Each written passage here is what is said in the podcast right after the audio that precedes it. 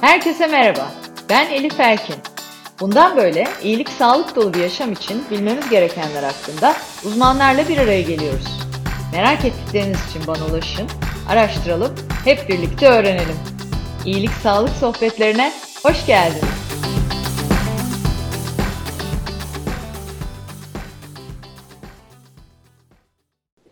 İyilik Sağlık Sohbetleri'nin yeni bölümüyle karşınızdayım. Bu bölümde konuğum Life Club Sağlık Hizmetleri Medikal Direktörü uzman doktor Celal Yücel Batmacı. Sevgili Yücel Bey, iyilik sağlık sohbetlerine hoş geldiniz. Hoş bulduk Elif Hanım. Nazik davetiniz için teşekkür ederim.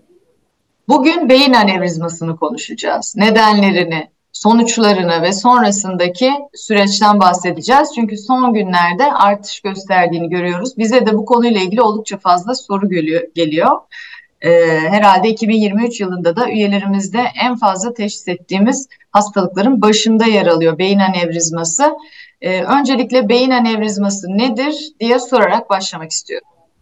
Beyin anevrizması beyindeki bir kan damarının duvarında oluşan bir şişkinlik veya balonlaşmayı ifade eder. Yapılmış çalışmalara göre e, intrakranyal saküler, saküler anevrizmaların toplumda görülme sıklığı %0.4 ile %6 arasında değişmekte. Bizim de Life Club'da sağlıklı yaşam yolculuklarında rehberlik ettiğimiz üyelerimizde intrakranyal anevrizmaların yani beyin anevrizmalarının görülme sıklığı %3 olarak tespit edilmiş durumda şu ana kadar. E, bunlardan operasyon gerekenlerin oranı ise bizim üyelerimizde binde 3 olarak ifade edebiliriz. Anevrizma bu tabii sık çok özür dilerim. Bu tabii sık sık görülen bir durum değil mi? Yani anevrizma olarak belki çok bilinmiyor ama e, beyinde baloncuk olarak da biz halk olarak e, tarifliyoruz bunu. Hatta hepimiz yıllar evvel gözümüzün önünde yaşanan bir e, maalesef çok e, elzem bir olaya tanık olduk. Bu e, Ebru Gündeş'in stüdyoda yaşadıkları e, tam olarak buydu sanırım değil mi? Yani orada bir baloncukla ilgili bir durum yaşandı. Kesinlikle kesinlikle çok doğru Elif Hanım. Ee, Ebru Gündeş hatta e, dünya literatüründe de bunu canlı olarak kayda geçiren, video ile beraber kayda geçirilen ender vakalardan biri olarak hani geçiyor. Hani bunun yanında başka ünlülerde de bu tip e, konular başlarına geldiği zaman maalesef tekrar Türkiye'de gündem oluyor. Deniz Baykal bunun örneklerinden birisi. En son Settar Tanrıören'de e, dizi oyuncusu e, onun da maalesef yaşadığı durumla birlikte gündeme gelmiş oldu. E, büyük bir ihtimalle Kenan Işık'ta da benzer bir durum vardı. O da maalesef bildiğiniz gibi e, biraz bitkisel hayatta hayata devam ediyor. Evet, bu e, sinsi bir e, hastalık aslında diyebiliriz sanırım değil mi? Yani o baloncuk eğer fikrimiz, bilgimiz yoksa bir anda e, burada patlama mı oluyor? Yine ben çok cahilce soracağım ama ne oluyor da o baloncuk anevrizma e, sıkıntıya yol açıyor? Belki biraz da ondan bahsedebiliriz. Tabii. Yani buradaki en e, önemli konu o anevrizmanın patlaması. En korktuğumuz konu bu aslında. Yani ve bu da e, hepimizin bildiği gibi beyin kanamasına yol açıyor. E, beyin kanaması e, toplumda yaygın olarak hani e, konuşulur bu. E, ya hiçbir şey yoktu birdenbire beyin kanaması geçirdi işte o kişi vefat etti gibi. E, buradaki e, beyin kanaması hemen tedavi edilmesi, hastaneye yetiştirilmesi gereken bir durum. Yani buna rağmen hastaların çoğu kaybediliyor maalesef e, hastanın hayatını kurtardığınızda bile sonrasında felçli bir şekilde hayatına devam etmek zorunda kalıyor. Hem kendisinin hem de yakınlarının hayat kalitesi kalan ömründe ciddi miktarda olumsuz yönde etkilenmiş oluyor. O yüzden bunu dikkat çekmek, toplumda bu bilinçlenmeyi yaratmak çok kıymetli. Evet, peki burada e, beyin anevrizması ile ilgili en önemli risk faktörleri neler? Yani neden olur bu beyin anevrizması? Herkeste var mı e, ol, olma riski yoksa hani belli risk faktörleri öne çıkıyor mu burada? Şimdi burada aslında risk faktörlerini konuşurken ikiye ayırmak lazım konuyu. Bir özel popülasyonlardan bahsetmek lazım. Bir de genel toplum için olan risk faktörlerinden bahsetmek lazım. Genel popülasyondaki risk faktörleri için bakacak olursak bir kişinin ailesinde iki kişi veya daha fazla aile üyesi eğer beyin anevrizması e, hastalığına sahipse bu kişilerde topluma göre daha yüksek oranda görülme sıklığı var. Bunların bir tık daha e, tedbirli olmasında fayda var. Bunun yanında bazı hastalıkları da yine böyle düşünmek lazım. Bunlardan bahsedecek olursak otozomal dominant polikistik böbrek hastaları, biküspit aort kapak hastalığı olan kişiler, Ehler-Danlos sendromu, Glukokortikoid ile tedavi edilebilen aldosteronizm hastaları, pseudoksantoma elasticum gibi bazı bağ dokusuna hastalıklarına sahip olan kişiler topluma göre daha yüksek risk grubunda beyin anevrizması açısından baktığınızda. Ama yani genel hem, çok buyurun. özür dilerim hem e, genetik faktörler de var diye anlıyorum. Bir yandan da belli kronik hastalıklarla birlikte seyrettiği daha sık görülen bir durum. Doğru mu? Kesinlikle öyle. Kesinlikle öyle. Multifaktöryel dediğimiz bir genetik altyapısı var. Hani Mendelian kalıtım gibi e, onda varsa otozomal dominant resesif gibi bir şey değil ama birçok faktörün arka planda etkilemesiyle aslında ortaya çıkıyor genetik altyapısına baktığımız zaman. Ama genel toplumdaki risk faktörlerine de baktığımızda aslında ateroskleroz dediğimiz damarın e, içerisindeki bu plak e, oluşumlarına sebebiyet veren her şey aslında beyin anevrizması içinde risk faktörü olarak kabul edilebilir. Hani bunlardan bahsedecek olursak e, kişinin şeker hastası olması, tansiyon hastası olması, fazla kilolu olması, sigara içmesi, hareketsiz bir yaşam tarzı sürdürüyor olması, stres düzeyinin yüksek bir kişilik yapısına sahip olması, ailede yine damar hastalığı öyküsü olması, kolesterol düzeyinin yüksek olması, belki de en önemli faktör burada ilerleyen yaş. Ya yaşla beraber doğumdan itibaren tüm hücrelerimizin e, yaşlanması gibi damarlarımızda da e, bir yaşlanma söz konusu. Bunu belki şuna benzetebiliriz. Yani su borusu örneğine benzetebiliriz. Nasıl yıllar geçtikçe su borularının içerisinde bir kile, kireçlenme olursa Kireçlenme. damarda da bu plaklar zaman geçtikçe artıyor. Arttığı için de damarın yapısını aslında biz üçe ayırırız. Intima, media ve adventitia. Bu plak yapısı intimadan başlayarak damar sertliğine sebebiyet veriyor. Ve bu da e, anevrizma, diseksiyon gibi istenmeyen sonuçlara sebebiyet veriyor yaş ilerledikçe. Evet, çok teşekkürler. Şimdi tabii e, uzun yıllardır e, beyin kanaması kader gibi algılanırdı. Yani hani bu e, olacaksa olacak, önlenecek, e, önlenme şansı yok e, gibi. Halbuki biliyoruz ki önlenebilir. En azından bu riskler işte plakla yani damardaki daralmalar vesaireler e, erken teşhis edilerek farklı tedavilerle değil mi? Belli şekilde yaşam standardı e, hastaların yükseltilebilir. E, beyin anevrizması nasıl teşhis ediliyor peki? Yani bu belirtiler neler? Damarların e, incelenmesiyle mi? Şimdi buradaki e, aslında en önemli konu çok bir belirti vermemesi beyin anevrizmalarının. Evet. Yani özellikle küçük beyin anevrizmaların çoğu genellikle hiçbir belirtiye neden olmaz. Çoğunlukla görüntüleme sırasında biz bunları tespit edebiliriz. Bu da e, tarama yöntemlerinden bahsedeceğim birazdan. Hani kılavuzlara girmiş bir tarama yöntemi olup olmaması bu konunun tartışmalı olduğu için genellikle insidental dediğimiz rastlantısal şekilde tespit ediliyor anevrizmalar. E, ancak büyük bir anevrizmadan söz edecek olursak bunlar bazen yine her zaman değil şiddetli bir baş ağrısı yapabilir, yüzde ağrı yapabilir, bulanık veya çift görme gibi semptomlara neden olabilir. Ee, esas korktuğumuz anevrizmanın patlaması beyinde geldiğinde ise ani şiddetli bir baş ağrısı e, oluşur. İnsanlar genellikle şimdiye kadar hayatımda böyle bir baş ağrısı kesinlikle hissetmemiştim. Bu kadar şiddetli bir baş ağrısı diye bunu tarif ederler.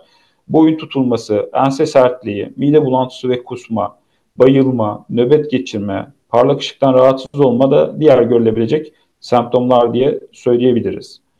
Ama en anladığım kadarıyla belirgin e, özelliği bir anda böyle aniden e, giren ve çok şiddetli olan e, ağrı. Peki burada hani e, belli taramalardan bahsettik. Nasıl bunu fark edebiliriz? Çünkü benim e, geçtiğimiz yıllarda öğrendiğim bir şey beni gerçekten e, şok etmişti. E, ben 15 e, yıldır check-up yaptırıyorum ve check-up'ta beyine bakılmadığını daha 1-2 yıl evvel fark ettim. E, halbuki biz e, zannediyoruz ki check-up'a girdiğimizde her şeyimiz bakıldı ve gayet iyi durumdayız. Sonra da diyoruz ya adam 2-3 hafta önce çıktı check-up'tan hiçbir şey yoktu nasıl böyle bir şey oldu diye. Oysa beyin anevrizması var ve e, beyine hiç bakılmamış.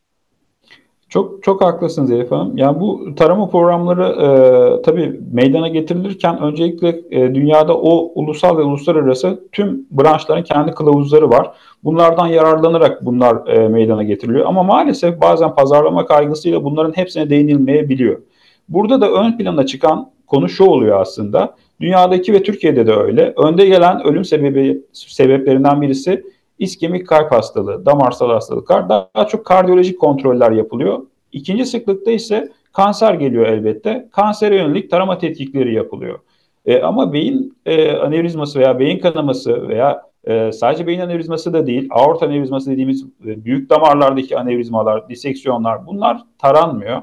Tabii bunların kılavuzlarda da tartışmalı olmasının da etkisi büyük bu anlamda.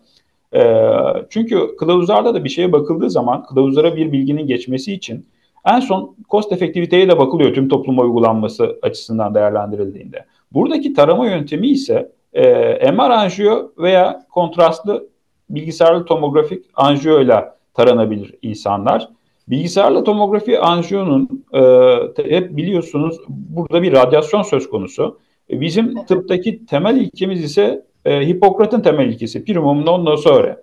Yani önce zarar verme. Tomografide ışın verdiğimiz için tarama yöntemi olarak çok uygun değil bu anlamda. MR ile beraber taranması daha uygun olabilir. Ama tabii burada da bireyselleştirilmiş risk analizine göre karar vermek lazım. Tüm topluma da MR Türkiye'de yapamaz, dünyada yapamaz. Ama bu risk faktörleri olan az önce bahsettiğimiz tansiyon hastasıysa, şeker hastasıysa, ailesinde sık görülmekte ise ve e, tabii insanların cost efektivite anlayışı da farklı yani. Hani şimdi bugün e, toplumdaki gelir düzeyi de farklı. Buradaki cost efektivite anlayışı e, açısından baktığınızda %6'ya kadar az önce bahsettik görülen ve bu kadar kıymetli e, bir önlem alma imkanı sağlayabilen bir tetkiğin eğer maddi imkanlarınız varsa yapılması çok önemli olur diye düşünüyorum. Bildiğim kadarıyla radyolojik tetkikler e, özellikle radyasyon oranını azaltıp e, çekim süresini kısaltmaya yoğunlaşmış durumda değil mi? Yani burada kar zarar hesabı e, dediğiniz gibi yapılarak mutlaka e, doktorun yönlendirdiği periyotlarda bu e, taramalar gerekliyse aileden hikaye varsa yaşam stiliyle ilgili riskler varsa yapılması lazım diye anlıyorum. Öte yandan e, MR'da e, bizim de özellikle üyelerimize e, tüm vücut MR e, taramasını yönlendirme nedenlerimizden biri bu. Bütün vücudun e, tek bir seferde taranması beyin dahil, e, radyasyon olmadan, kontrast madde kullanımı olmadan bu anlamda erken teşhis için çok çok önem arz ediyor gibi görüyorum ben de. Kesinlikle, kesinlikle. Biz de zaten e, tam da dediğiniz gibi bu sebeplerle tüm vücut MR'ı da e, bu tarama programlarının içerisine entegre ettik. E, onun yanında tabii klasik tarama programları da bunun içerisinde yer alıyor. Tüm vücut MR'ı tamamlayıcı şekilde. E, onları da bireyselleştirilmiş risk analizine göre üyelerimize uyguluyoruz bahsettiğiniz gibi. Peki e, teşhis edildi. E, tedavi nasıl oluyor? Yani teşhisin ardından beyin anevrizmasını nasıl tedavi ediyoruz? Şimdi burada iki yol var ama o iki yolu bahsetmeden önce aslında biraz daha belki hani konuyu detaylandırmak faydalı olabilir. Serebral anevrizması olan e, kişilerin %20-30'unda birden fazla anevrizma var. Anevrizmanın beyin kanamasına sebep olma olasılığı e, büyüklüğüyle orantılı. 10 milimetrenin altında ise eğer e, anevrizmanın büyüklüğü risk biraz daha düşük diye söyleyebiliriz. 10-24 mm arasında biraz daha risk artıyor ama 24 mm'nin üstünde ise en riskli grubu oluşturduğunu söyleyebiliriz. Ama elbette ki tek faktör anevrizmanın büyüklüğü değil. Anevrizmanın oluşma hızı, eşlik eden hastalıklar, aterosklerotik risk faktörleri, anevrizmanın şekli gibi faktörler de etkili. Tüm bu nedenlerden ötürü bireysel olarak alanında uzman nöroradyologlar tarafından anevrizma saptanan kişilerin bireysel olarak değerlendirilmesi gerektiği ve tedavi e, planlamasının buna göre yürütülmesi gerektiğini vurgulamak çok kıymetli olur diye düşünüyorum. Kesinlikle e, öyle. Zaten hep hastalık yoktur, hasta hasta vardır prensibiyle e, tıpta tedavi gerçekleştirildiğini biliyoruz. E, benim anladığım kadarıyla bu e, beyin anevrizması doğuştan da sahip olduğumuz ve ömrümüzün sonuna kadar büyümeden bizimle birlikte kalabilecek bir durumken e, sonradan da gelişebiliyor. Her iki durumda da büyüyebiliyor ve büyümeyebiliyor, stabil kalabiliyor. Stabil kalırsa da sadece takip etmek yeterli olur e, diye anlıyorum. Ancak büyüme varsa az önce söylediğiniz gibi belirli ölçülerin üzerine çıktıysa bu büyümeyle beyin anevrizmasının e, da boyutu o zaman e, belli müdahaleler gerekiyor diye anlıyorum. Ne gibi müdahaleler? Yani nasıl bir tedavi uygulanıyor burada? Şimdi burada 90'lı yıllara kadar tüm dünyada açık beyin ameliyatıyla bu müdahale yapılıyordu. Bu ameliyatta da beyin cerrahları anevrizmanın tabanına, o balonlaşmanın olduğu yere, yere onun ana damardan çıktığı yere bir küçük metal klips koyarak onu normal damardan aslında e, kanla dolmasını izole etmiş hale getirerek tedavisini yapıyorlardı. Ama elbette ki bildiğiniz gibi açık beyin ameliyatı çok travmatik bir süreç. İyileşme süreci, komplikasyonları vesaire çok yüz güldürücü olmayabiliyor. Burada 90'lı yıllarda geliştirilen endovasküler anjiyografi yolu ile aslında anevrizmalar tedavi edilebiliyor. Burada yani. aynen, burada aynen kalp anjiyolarında olduğu gibi kasıktan doktorunuz girerek beyin damarlarına ulaşıyor ve ince bir tel ilerletiyor. Bu telin içerisinde de embolizan maddelerle birlikte e, o damarı embolize ediyor ve oradaki kan akımını durduruyor. Bunun yanında teknik zaman içerisinde yani, gelişti. Aslında evet. çok pardon, beyin, e, açık beyin ameliyatına gerek olmadan da günümüzde tedavi işte laparoskopik dediğimiz kapalı, sadece kasıktan bir telle girerek o damarlar üzerinde e, müdahale ederek mümkün diye anlıyorum. Tabii çok büyük bir gelişme.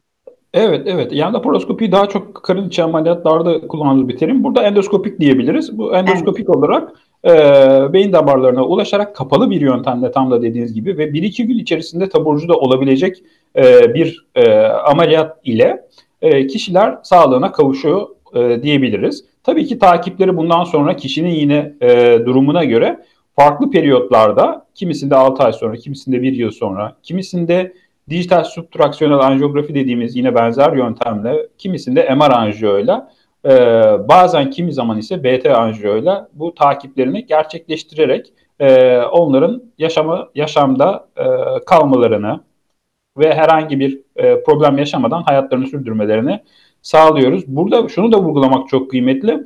Bu kapalı yöntemle, endovasküler yöntemle beyin anevrizmalarının tedavisini Türk hekimleri geliştirdi. Öyle mi? Tabii. Gerçekten bu, mi? Müthiş. Bilmiyordum ben geliştirenlerin Türk hekimleri olduğunu bilmiyordum. Atatürk'ümüz boşuna dememiş beni Türk hekimlerine emanet edin diye. Gurur duydum gerçekten.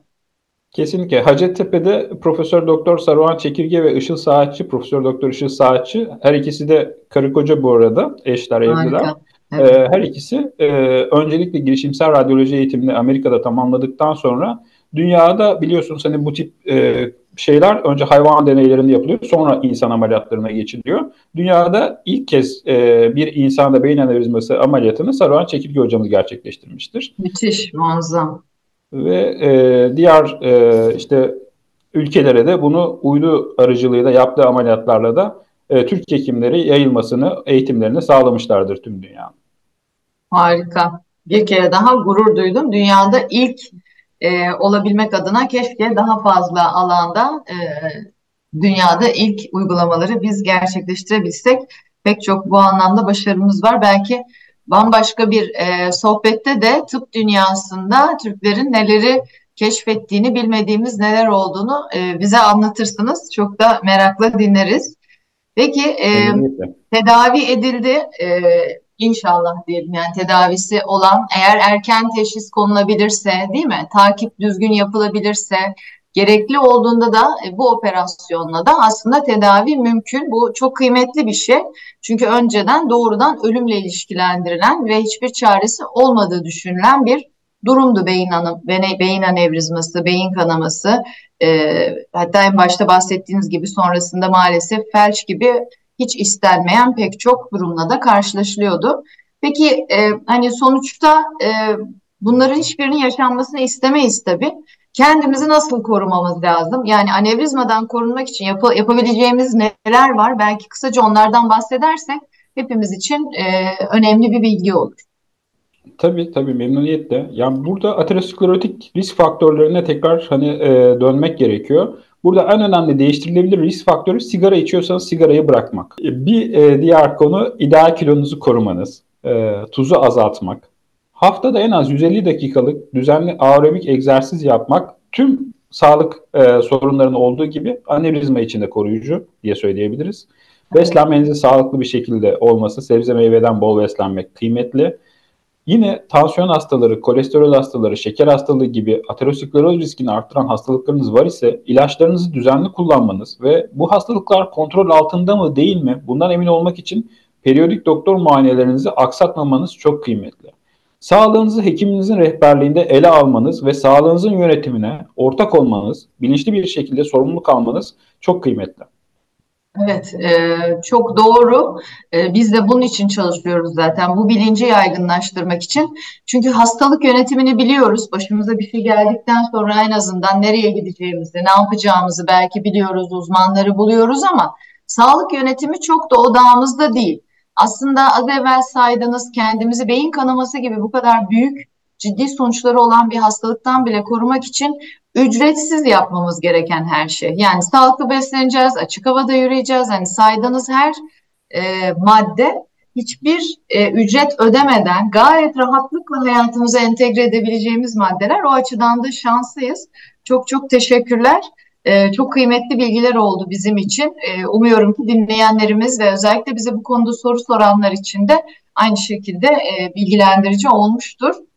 Ee, enine boyuna konuştuk sanırım. Başka ilave etmek istediğiniz bir şey var mı? Beyin anevrizması dendiğinde şunu da konuşmamamız olmaz diyeceğiniz bir şey. Ee, aslında o anlamda yok ama belki sıklığını tekrar bir vurgulamak hani dinleyicilerimiz evet. için kıymetli olabilir. Yani toplumdaki yapılmış çalışmalara göre %6'ya kadar görülme sıklığı çıkıyor. Yani çok ciddi bir oran, çok yüksek bir oran. Hani bu anlamda farkındalık sahibi olmak çok kıymetli. Bunu vurgulamak isterim. Harika. Evet iyi oldu. Onu da vurgulamamız. Peki. O zaman ben iyilik sağlık sohbetleri geleneğimizi bozmayacağım ve e, size bir daha soracağım. Sizin iyilik sağlık rutininiz nedir? E, neler yapıyorsunuz? Hani hocanın dediğini yap, yaptığını yapma durumu mu var? Yoksa e, hayatınıza e, neler kattınız? İyilik, iyiliğinizi, sağlığınızı korumak için bir de ondan bahsedelim. E, kısmen diyelim. Şimdi haftada üç gün e, yüzmeye çalışıyorum ben de. E, benim de bel problemim var siz de biliyorsunuz. E, evet. Bunun için mesela haftada 150 dakikalık aerobik egzersizden bahsettik. E, bunu da aslında bireyselleştirmek gerekiyor. Mesela benim koşmam uygun değil belle ilgili bir problem yaşadığım için. Haftada üç gün yüzmeye çalışıyorum ama e, bir ikisini gerçekleştirebiliyorum diye söyleyebilirim bunun. Ama hedefim haftada üç. Olsun. En azından insan kendine hedef koyunca e, üç olmasa da bir hafta iki, bir hafta bir, sonraki hafta üç bir şekilde oluyor. Harika. Evet. Bunun yanında haftada en az iki gün balık tüketilmesini öneriyoruz. E, benim de hedefim o. Ama en az bir gün tüketmeyi başarıyorum. Onu söyleyebilirim. İyilik, sağlık evet. açısından. Evet kendime e, yaptığım. Yarım saatten fazla oturup ben de biliyorsunuz bir ofis çalışanıyım bir taraftan da. E, evet. Yarım saatten fazla oturup pozisyonunda kalmamaya özen gösteriyorum. Hemen bir iki dakikalık da olsa kısa bir yürüyüş yaparak sonra tekrar e, işlerime devam ediyorum. Bu da e, kendim için yaptığım önemli bir değişiklik. Arabamı otoparkta en uzak noktaya park ediyorum. Biz dinleyenlere de bunu tavsiye ediyorum. E, günlük rutinimize bu hareket kısmını, hareket egzersizi yerleştirmiş yerleştirmiş oluyoruz böylelikle. Bir de tabii ki siz de e, biliyorum kullanıyorsunuz sohbetlerinizde, sunumlarınızda. Dünya Sağlık, Örgütü, Sağlık Örgütü'nün sağlık tanımı hepimizin bildiği gibi sadece hastalık ve sakatlıkların olmaması değil, fiziksel, ruhsal ve sosyal yönden tam bir iyilik hali. Bunun için de arkadaşlarımla sohbet etmeye vakit ayırıyorum. Haftada bir iki kez de olsa onlarla böyle bir yarım saat, bir saat belki İstanbul dışında olanlar da oluyor. En azından sohbet etmek e, ruhsal ve sosyal yönden iyilik hali için kıymetli. Bunu da tüm dinleyenlerimize tavsiye ederim. Harika, çok kıymetli tavsiyeler. Çok teşekkür ediyoruz. Ee, bu bölümde beyin anevrizmasını konuşmuş olduk.